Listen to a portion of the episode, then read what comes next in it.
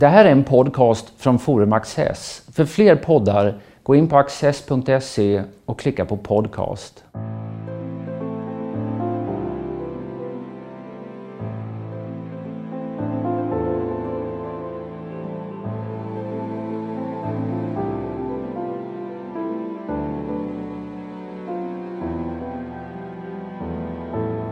Vi är här för att eh, prata om Skrivet, ett urval av artiklar av PJ Anders Linder. En hel del från Svenska Dagbladet-tiden där han var politisk chefredaktör men också från andra publikationer publikationer, tidningar. Välkommen hit PJ. Tack för det. I april 2004 så skrev du en ledare i Svenska Dagbladet som hade rubriken “Bilda en borgerlig valallians”. Och så blev det. Alliansen vann två val i rad. Nu, för att uttrycka sig diplomatiskt, så ser det politiska landskapet lite annorlunda ut. Finns det överhuvudtaget några förutsättningar för en borgerlig allians till nästa val, tror du? Ja, I så fall måste det ju hända någonting ganska dramatiskt. För det är klart att det tonläge som nu finns mellan de gamla allianspartnerna, det är inte sånt att det pekar fram emot ett, ett nära och förtroligt samarbete. Det fanns ju det, för, så att säga, förutsättningarna var ju helt annorlunda då. Alltså just därför att, eh, och du skriver om det också, att eh, de var ju liksom redo att ta makten men också, de var ju liksom överens, de hade träffats, de förstod varandra. Och det, eh, är det så hopplöst nu att liksom läget är att de inte, att, alltså, sakpolitiskt står de väl ändå ganska nära varandra? Alltså situationen eh, då, 2004, det var ju att det fanns en stor leda vid att eh, eh, borgerligheten var splittrad och att socialdemokratin hade styrt ända sedan 94 och det, eh, hade liksom eh, dominerade eh, läget. Så man kan säga att alliansen var ju lösningen på ett problem som många uppfattade det. Eh, och, och, så är det ju inte idag, så att säga, utan nu är ju alliansen någonting som, eh, som liksom har sin eh, tid bakom sig och som kan väcka viss nostalgi hos en del. det här utesluter ju inte på något sätt borgerligt samarbete. Men idén med alliansen var ju någonting större än det. Det var att man verkligen skulle vara tajta, man skulle göra saker och ting genuint gemensamt både före och efter val och sånt där. Det eh, tror jag inte det finns förutsättningar för. Ja. Däremot för en, någon sorts praktisk lösning med, där de borgerliga partierna ingår, det, det ska man väl aldrig utesluta. 2011 så skrev du om Moderaternas idéprogram som ett idéprogram för ett parti som helst inte vill ha ett program. Det var för mycket betoning på sakpolitiken och för lite betoning på idéerna. Och du såg det här som en svaghet. Hur ser du på den moderata idéutvecklingen idag? Och hur ser du på idéutvecklingen i politik överlag? Det är stora frågor. Um... Moderaterna hade ju då med Nya Moderaterna och det här var ju hösten 2011 när det här skrevs. Det var ju när de var som allra störskast inom Nya Moderaterna och socialdemokratin var i djup eh, kris under Håkan Juholts eh, partiordförandeskap. Och då eh, fick ju ett antal ledande moderater för sig att liksom här, nu är det ett nytt läge, nu ska vi bli ett statsbärande parti och då ska vi hyvla bort allting som gör det svårare för någon väljare att komma och rösta moderat och då ska man inte ha några idéer. Därför att det är, varje idé man har är, ju, är det ju ändå alltid någon som är emot. Och det där ledde ju till ett otroligt defensivt program som egentligen bara skrevs för att man inte skulle få några problem med det. Ingen, eh, program används huvudsakligen av eh, journalister som ska leta pinsamheter eller eh, studenter som ska skriva uppsatser och sådär. Och de skulle inte behöva... Eh, det skulle inte finnas någon risk för att något i programmet skulle ställa till det för dem. Ehm, och, det där eh, det kokade ju rätt snabbt eh, eh torrt, liksom, det, det greppet. Det, det, är svårt att entusiasmera både väljare och företrädare om man egentligen inte står för någonting annat än att man ska eh, förvalta eh, apparaten. Mm.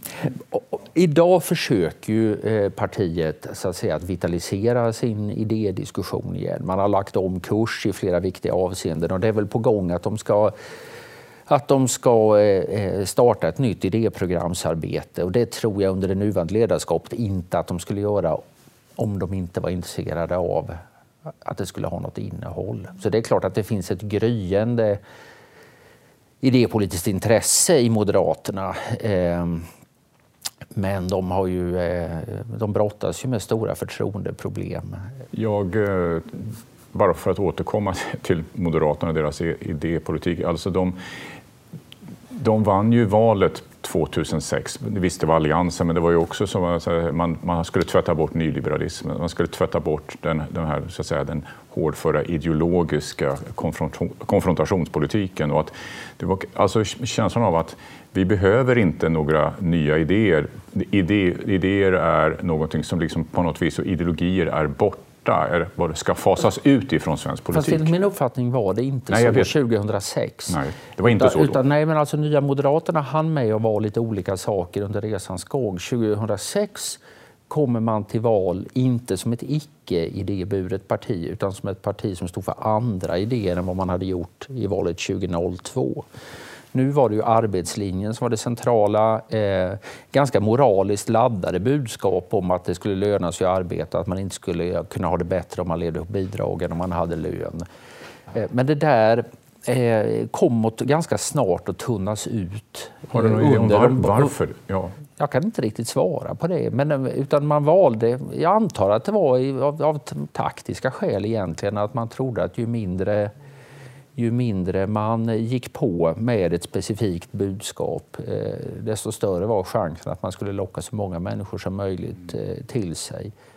Eh, men det är viktigt tycker jag det här att Alliansen var en helt annan sak 2006 än 2014 när den i stort sett var helt tömd på politiskt innehåll och bara bad om mandat att ja, ungefär de andra är värre. Det var, det var liksom grundbudskapet 2014. Vilka, vilka politikområden tycker du att Moderaterna kanske tappade idéerna mest inom? Nej, men de, de ägnade ju sig åt en systematisk städning av eh, eh, ståndpunkter i alla frågor som var genuint kontroversiella eller där det inte fanns en stor väljarpotential. Eh, jag menar, ett uppenbart svar är ju frågan, försvarsfrågan som hade ju varit en moderat paradgren sen partiet grundades mer eller mindre. Men där man, och, så sent som vid 2004 års försvarsbeslut så gick man väldigt hårt åt regeringen för att låta så att säga, ekonomin styra säkerhetsanalysen istället för tvärtom. Alltså, sen gör de själva samma sak några år senare. De märker att det finns inte så mycket eh, väljare att hämta i försvarsfrågan och då droppade de den. Det var väl ett mycket typiskt exempel.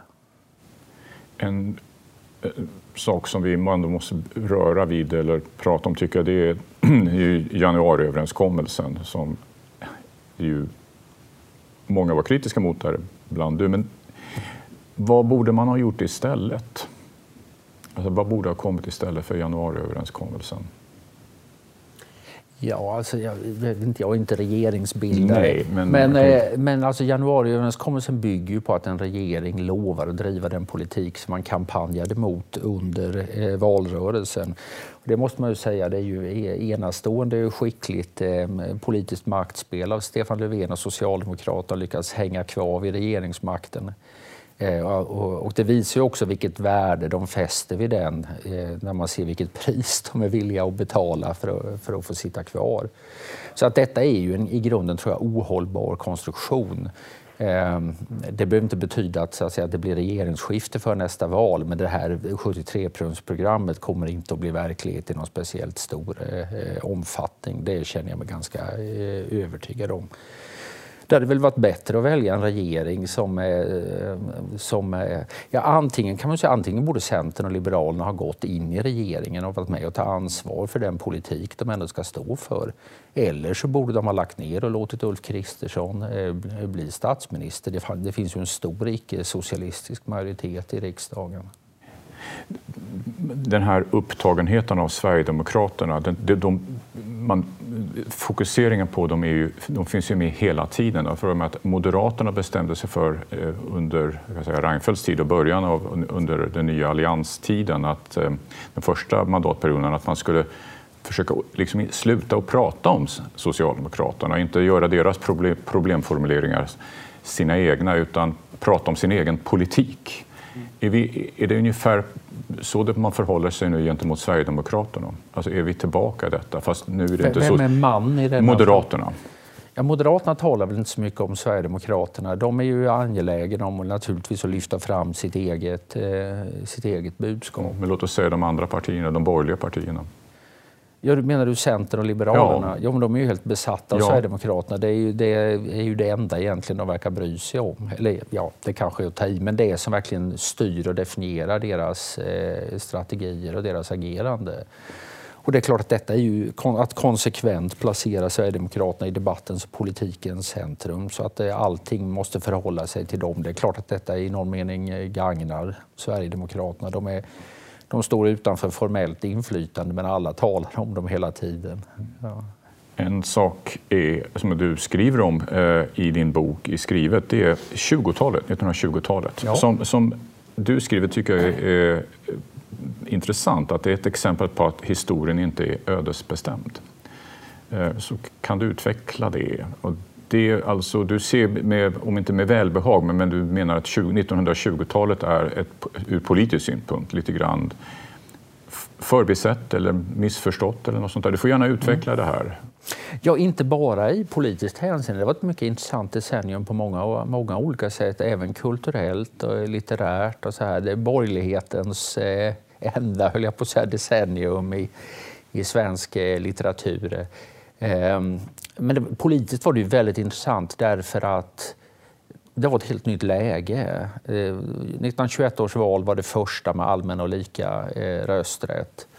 Och ingen visste ju egentligen vad det skulle leda till eh, på förhand. Ehm, och ehm, jag tror att många som idag får veta liksom att ja, högern motsatte sig, de segade när det gällde införandet av den här allmänna och lika rösträtten. Eh, många var fattiga. Alltså skulle det med självklarhet bli stor socialistisk majoritet eller vänstermajoritet i riksdagen, men så blev det ju inte. Utan, det, utan eh, väljarna var ju rätt försiktiga i sin relation till socialdemokratin eh, inledningsvis. Eh, och det blev en, väldigt mycket av en vågmästarkultur eh, i riksdagen. C.G. Ekman, eh, frisinnad mot slutet av decenniet, brukar få symbolisera detta. Men det här eh, eh, komplicerade parlamentariska läget det pågick i stort sett hela 20-talet. Regeringarna satt kort tid, man bytte både person och färg på statsministrarna. Det var till och med in ett par opolitiska ämbetsmannaregeringar eh, under den här perioden.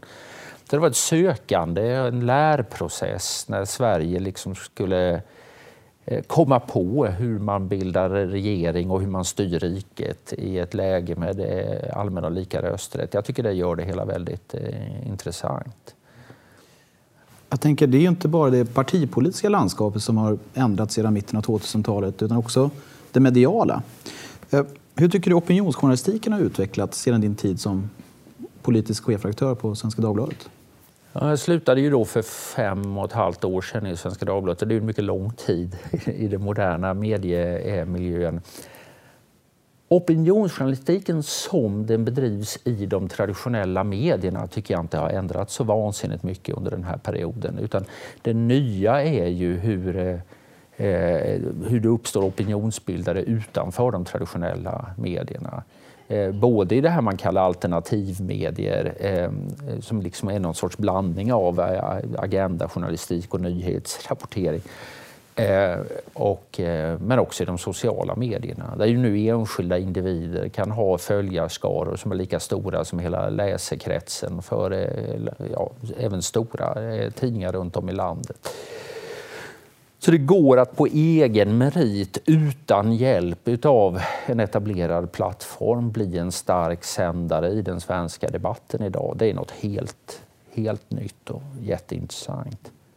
Det är klart, man, man ser också exempel på alltså att ledarskribenter och ledarskrivande är så att säga det är inne. Alltså det har blivit ett, från att tidigare ha varit om, lite mer på, om inte marginalen inom journalistiken, men det är alltså nu mycket mer, kan säga, det är mer intressant för en ung politiskt medveten person att bli ledarskribent? Ja, jag skulle säga att den trenden fanns redan när jag eh, var i, ja. i Svenska Dagbladet. Eh, det har ju mycket att göra med att tidningarna började befria sig från eh, alla gamla måsten. Så att säga. Partipressen var ju historia sedan rätt lång tid tillbaka. Men, eh, men det här att man söker ämnen på ett annorlunda sätt. Man, det, det handlar inte bara om riksdagsdebatter och promemorior och sånt här utan det handlar mycket om om fenomen i samtiden. Eh, eh, I många, av, många ledarartiklar skulle ju på sitt sätt lika gärna kunna stå på kultursidor idag och, och vice versa kan man tillägga. Så att säga. Det finns en, en blandning utav politikfrågor och kulturfrågor som väl har ja, gjort, eh, fört genren närmare en bredare, en bredare publik. Du har gjort tidningen mer intressant också, tycker du det?